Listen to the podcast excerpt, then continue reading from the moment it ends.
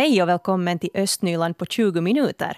Podcasten med de bästa bitarna från den östnyländska morgonsändningen.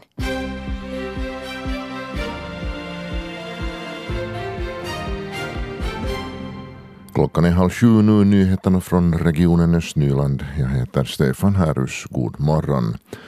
En hotfull situation uppstod vid Pääskytien koulu i Borgo igår på morgonen. Flera polispatruller larmades till platsen. Det var en utomstående äldre mansperson som betedde sig konstigt på skolgården och då rektorn bad honom avlägsna sig blev han slagen. Personalen och skoleleverna tog för säkerhets skull skydd inne i skolbyggnaden. Polisen meddelade strax efter klockan 13 igår att de har gripit en person som misstänks för misshandeln vid Pääskytien koulu.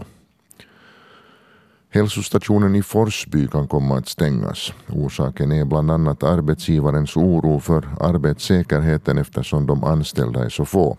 Också regionförvaltningsverket har påpekat riskerna. En annan orsak till stängningen är att besökarantalet sjunkit på hälsostationens olika enheter. Grundtrygghetsnämnden i Lovisa ska vid sitt möte idag besluta om hälsostationen ska stängas. Då ska nämnden också ta en funderare beträffande hälsostationen i Lappträsk. Förslaget är att verksamheten där skulle få fortsätta. Borgostad söker nu en ny ung invånare till Äppelbackens servicehus. Mot en förmånlig hyra erbjuds en ungdom ett tidsbestämt hyresavtal på servicehuset. För att få bo på servicehuset ska den unga göra tre timmar frivilligarbete i veckan. I juni för ett år sedan flyttade Aina Kiuru in men hennes kontrakt är nu slut. Nästa vecka ska Borgostad gå ut med mera information om att staden nu söker en ny invånare till servicehuset. Borgolöparen Sara Kuivisto får delta i friidrotts-VM nu i slutet av september i Doha i Qatar. Igår kväll kom beskedet att det internationella friidrottsförbundet kallar henne till VM och 1500 meters loppet. Hon klarade inte av kval kvalgränsen men kvalificerar sig via årets rankinglista. Friidrotts-VM i Qatar inleds den 27 september och sänds på Yles kanaler. I Finland så finns det sammanlagt 18 500 spelautomater i butiker och kiosker, så det finns en hel del. Förra veckan så meddelade spelbolaget Veikkaus att 3 000 av de här spelautomaterna kommer att försvinna som ett led i bolagets nya strategi. Dessutom så har över 30 000 personer skrivit under ett medborgarinitiativ om att helt ta bort spelautomater från just butiker, kiosker, bensinstationer och liknande platser. Att eh, minska på antalet spelautomater kan hjälpa personer som är spelberoende, men kan samtidigt påverka inkomsterna särskilt för butiker och kiosker på mindre orter. Och vår reporter Mira Bäck hon åkte till Lovisa för att träffa köpman Stefan Möller.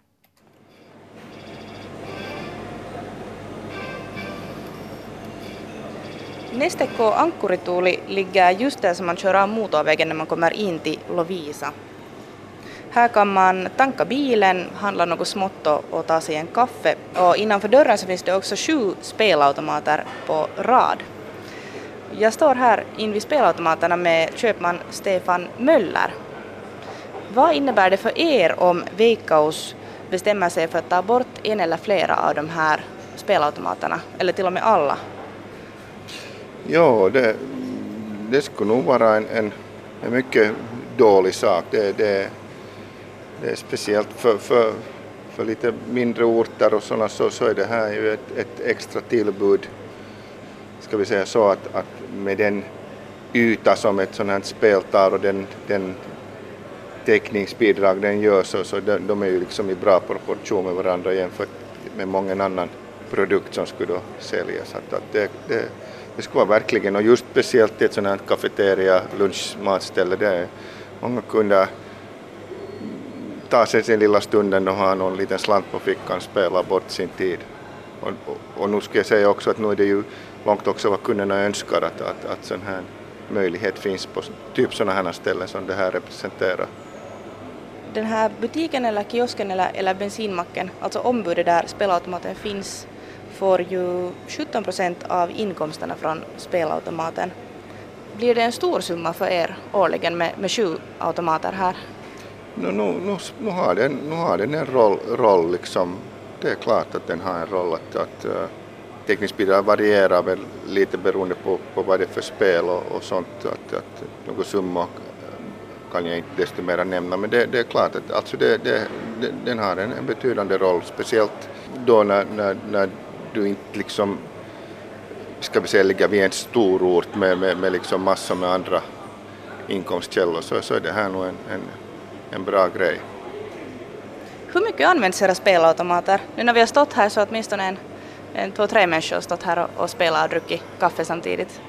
Ja, det är no, lunchtid lite, men okej okay, folk har ju inte så lång lunchrast men att, men att sen på morgnarna, det, det är nog från och till, kanske eftermiddag många gånger, de kommer på eftermiddagskaffe eller, eller är på väg, de tittar väl inte så, så det varierar mycket. Om era spelautomater här skulle försvinna eller, eller antalet minska, tror du att det skulle påverka kundströmmarna på något sätt? Nu skulle jag våga påstå det, ja. Att, att det här är någonting som, som liksom hör till till ett sådant ställe. Det är ett sätt lite att fördriva tiden och, och kasta in en slant. Det här hela diskussionen har ju liksom många, många, många vad heter det, inkast om jag nu, vad det lilla jag har följt med nu vad de i medierna skrivit om det här och, och, och, varför det har kommit upp att liksom det här spelberoendeheten men nu ska jag nu säga så att som är mångt här i livet att om det förbjuds så, så söks det några andra vägar att göra det. De spelar ju mycket i nätet också så jag menar att det är lite snedrivet tycker jag personligen att liksom på basen av den orsaken liksom ta bort eller minska så ser jag inte att det är liksom. Plus att jag tycker att också en grej, okej okay, att vi har det är en inkomstkälla för oss, det, det är helt plan, men jag menar också det att, att, att Veikkaus använder ju ganska stora summor till olika sakers välgörenhet och jag, man tycker det skulle inverka på de sakerna då också liksom, så de, de vill ju styra sina vinster också till, till de sakerna som vi vet. Och vi har pratat med varuboden Osla som har många mataffärer också här i vår region. Ett medborgarinitiativ kräver att Veikkaus spelautomater flyttas ut från mataffärerna. Vid handelslaget Varuboden Osla säger Bengt Winberg som är branschdirektör för Markethandeln att de har diskuterat frågan om Veikkaus spelautomater. De följer med situationen och fattar inte några snabba beslut. Och det som vi nu siktar på är att 2022 ska det bli liksom så att säga betvingad identifiering till spelautomaterna. Att då, då måste man, då blir det åtminstone full koll på det, att, att åldern uppfylls. Det innebär att alla som spelar på spelautomaterna blir tvungna att registrera sig. Bengt Winberg säger att de redan nu noggrant kollar upp om minderåriga spelar och de anställda i affärerna kan då stänga av spelautomaterna från kassan med fjärrkontroll. Vi kan kolla vem som spelar där och stänga av från kassan liksom apparaten om, om det visar sig att det är underåriga som liksom lyder. Att vi har, vi har sådana möjligheter nu att med sån här remote kontroll stänga av maskinen. När det gäller spelberoende säger Bengt Winberg att de inte skulle ha lagt märke till att det skulle vara något stort problem. Det har jag lite också frågat omkring, men vi har inte liksom egentligen märkt riktigt något sånt att, att, det, där, att det skulle ha varit att det skulle ha funnits något sånt riktigt. Och det där. Jag är inte helt säker heller att det är vår uppgift sen att liksom ta del av det. Vems uppgift skulle det vara då? Ja, det är en bra fråga. Det är en bra fråga. I Finland finns det sammanlagt 18 500 spelautomater i affärer och kiosker. Veikkaus meddelade förra veckan att 3 000 av de här automaterna kommer att försvinna. Varuboden Osla har verksamhet i Nyland och på Åland. Handelslaget har ungefär 140 veikkausautomater i sina affärer i Nyland. På Åland är det Ålands penningautomatförening PAF som har spelmonopol. Varuboden Oslas Bengt Winberg säger att de klarar sig ekonomiskt även om spelautomaterna skulle flytta bort från mataffärerna. Han poängterar i alla fall att spelautomaterna har en viktig funktion, speciellt på små orter. För mindre affärer så, så kan det nog vara, vara liksom spela in den där ekonomi, ekonomin nog. Att, det där, att där spelar man just lite människor på orten och, och det där kanske inte så hög omsättning i butiken så det kan vara liksom sen lite till det här igen. Varuboden Osla får en liten provision på att Veikkaus har spelautomater i affärerna, berättar Bengt Winberg. Han säger sig vara oroad för vad det betyder för till exempel idrotten om spelautomaterna försvinner från affärerna. Det här ska vi nu komma, liksom, komma ihåg att en stor del går ju till, till välnyttiga ändamål. Att, att det där, skulle det nu hända så att, att de tas bort så det skulle bli stort gap sen i liksom sån här hjälp, hjälpverksamhet så att säga. Det måste man komma ihåg att, att då, då beslutar.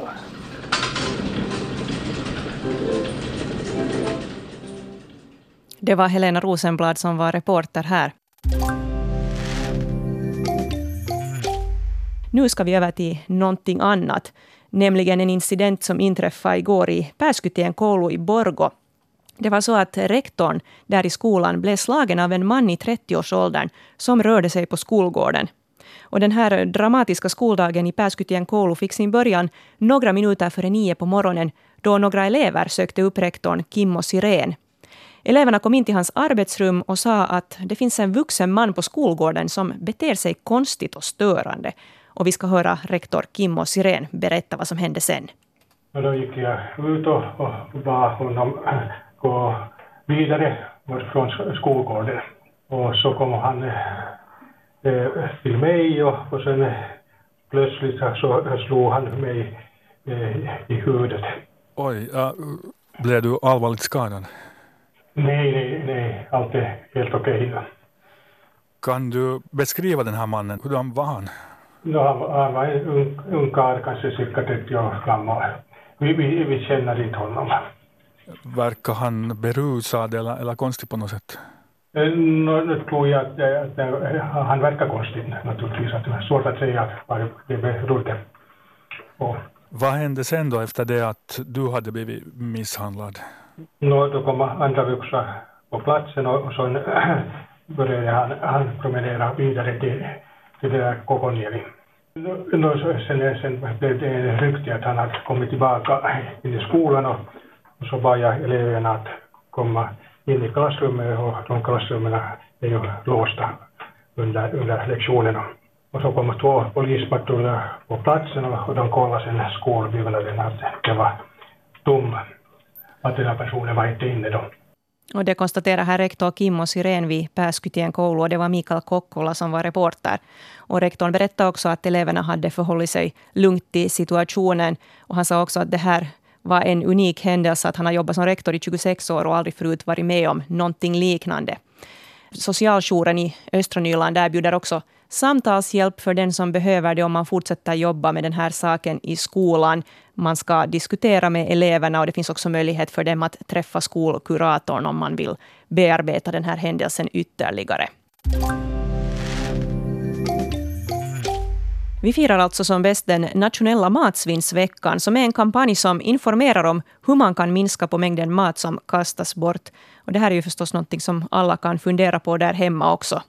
Vi har besökt kocklinjen vid Inveon i Borgo för att höra med läraren Marina Bockström och studerande Kajsa Wikiö hur kunskap och god planering minskar svinnet i alla steg i övningsköket. No just att om det blir just något skal kvar så kan vi just koka buljong av det eller idag när vi hade broccoli så när stjälkarna blev så vi kokade dem och vi kylde ner dem och lagade dem i frysen att när vi någonsin har fast broccolisoppa så har vi färdigt rennat det inte var i onödan i roskis. Vad, vad, står det i läroplanen så där teoretiskt? Vad, vad, vad, vad har ni för skyldigheter? Eh, I läroplanen står det ju alltså att eh, de här studerandena ska vara med och ta emot varorna och kunna igenkänna kvaliteten på dem. Och sen då förstås är det, finns det helt klart att de ska lära sig att veta att vad man kan göra för att, att idag är målsättningen ju den att det inte ska finnas någonting kvar i eh, biokärlet. Att det ska helst vara tomt att idag så tittar jag, där är lite gamla timjamstjälkar som vi har haft och kokat med i vår burgundiska gryta idag, plus att det var ris som har varit alltså fram till, för, till det här servering som inte man mera får. Att förr så fick man ju sätta det i snabb avsvalning och använda det, men att nu för tiden så får man inte. Så att det, här, det, det är det som vi har idag i det här bion. Hur många misslyckade försök blir det? Jag tänker allt på sånt här från såsar som bränns i botten eller biffar som, som steks bränns eller överkokt potatis eller andra misslyckade försök att temperera chokladen och sånt här. Eh, eller, eller någonting som ni lagar som till och med blir så att oj, det här kan man ju inte äta. No, vi har någon till exempel vispat för mycket grädde eller så har vi misslyckats med vaniljsås så vi har då fryst ner det så att vi kan göra typ pannkaka på det. Att, att istället för att just kasta bort det eller det ner så försöker man göra något annat med det. Jag tänker på sånt som är bränt eller överkokt. Hur, hur? Har det hänt? Inte så himla mycket. jag tycker det måste ju hända. När ni, nu händer, nu händer det ju. Nu, ja, nu händer det. Ska vi säga under första året så kan det hända. Ja. Att där till exempel när vi övar första gången brunsås så kan det ju vara att mjölet blir lite väl brunt och det blir bränns och, och så här. Men att det här, då börjar vi om från början. Det, det är ju inte och hjälps utan det här, man måste lära sig och, och veta att när är det gyllenbrunt och när är det bränt. Och sen just att smakar det bränt, smakar det beskt, så är, då, då lönar det sig nog att börja om från början för det, det blir inte, man får inte bort sån smak. Så äh, om jag går tillbaka fyra, fem år till, sen så, så när vi hade tolv ett år så brukar jag undervisa på det sättet att vi gör alla samtidigt brunsås. Och, det och då, när de tillsammans står och syr på det så brukar det där risken för att det bränns är ganska liten. Att de är liksom och övervakar varandra och på det sättet liksom får, får det att fungera. Att, att jag kommer faktiskt inte ihåg att någon skulle ha bränt i botten första såsen här när vi lagar. Säger lärare Marina Bockström och studerande Kajsa Vikiö. Vid Inveon äter dagligen personal, lunchgäster och cirka 300 studerande. Matsvinnet, det vill säga det som hamnar i biokärlet, rör sig mellan 5 och 12 kilogram per dag. I övningsköket slängdes den här dagen några grönsaksrester som kokat med i grytan. Det blev också ett och ett halvt kilo potatis över som återanvänds, likaså några liter burgundisk gryta som personalen äter upp i ett senare skede. God planering och ett gott samarbete är nyckeln till att lyckas i det här övningsköket och lite is i magen. Man ska inte stressa, man ska försöka ta det lugnt och just att om det är någonting som är lite svårare så försöka liksom fråga varandra att jag gjorde igår för första gången crème brûlée. Så jag frågade min klasskompis att vad tycker du? Att jag är lite osäker, att är det här ännu för löst? Att, att hur är det just att bara hjälpa av henne och också av Marina sen i slutet att vad tycker du? Att jag, jag skulle kanske nu haft några minuter till men att det var helt perfekt idag så. Lyckades du med sockret också? På jo, det har jag som tur kan igen på något sätt. Att jag brände inte något för mycket. Oj, oj, man blir riktigt sugen på crème brûlée nu. Vi hörde Kajsa Vikiö där som studerar för tredje året vid Inveons kocklinje i Borgo. Och i inslaget hörde vi också läraren Marina Bockström. Den här matsvinnsveckan den arrangeras i år för sjätte gången av tidningen Kuluttaja. Och det var Leo Gammas som var reporter ska Forsbyborna i Lovisa få ha kvar sin egen hälsostation? Det är en fråga som ska diskuteras ikväll i grundtrygghetsnämnden i Lovisa. Eh, det handlar alltså om ett förslag att man skulle flytta verksamheten från Forsby hälsostation till huvudhälsostationen i Lovisa centrum senast 1 juli 2020. Hur eh, motiverar tjänstemännen Fredrika det här förslaget? Bland annat med att patientantalet där på Forsby hälsostation har minskat, både på mottagningen och på barnrådgivningen. Man uppskattar att antalet barn i rådgivningsåldern på området har minskat med upp till 100 barn under de senaste fem åren. Sen konstateras det också att verksamheten där är sårbar eftersom det bara finns några anställda. Och man har än nu varit tvungen att flytta verksamhet till den här huvudhälsostationen i centrum, till exempel under semestrarna. Och sen uppskattar staden också att arbetssäkerheten förbättras om, om personalen där på hälsogården flyttar till lokalerna i centrum. För då finns det inte längre den här risken att jobba eh, ensam. Och sen eh, säger de också här att man inte kan betjäna patienterna heltäckande där i Forsby eftersom till exempel röntgentjänsterna och till exempel laboratorietjänsterna för det mesta nu erbjuds där i, centrum. Tidigare fanns det ju också tandläkare och, och mm, tandhygienister där på, på den här Forsby hälsogård, men de flyttade den för fem år sedan till, till den här huvudhälsostationen. Men eh, det här är nu då stadens tjänstemän som motiverar en, en eventuell flytt så här. Ehm, det här förslaget har väckt en hel del debatt och kanske också lite ilska, har jag noterat på sociala medier. Dels då bland Forsbybor, men sen också där i Isnäs Sarvsalöområde. För att det är ganska många som kommer att få ganska lång väg till, till hälsostationstjänsterna om, om det här bli verklighet och sen konstaterar många också där att Forsby hör till de här kraftigast växande områdena i, Lovisa just nu, att där har varit ganska mycket inflyttning och, och så här. Så att eh, vi får se hur det går där i, i grundtrygghetsnämnden ikväll. Och efter det så ska ärendet också till stadsstyrelsen och stadsfullmäktige, så vi får se hur det går i frågan som sagt. Östnyland på 20 minuter är en Svenska Yle-podcast. Det finns flera poddar på arenan. Jag heter Katarina Lind. Tack så mycket för sällskapet. Vi hörs.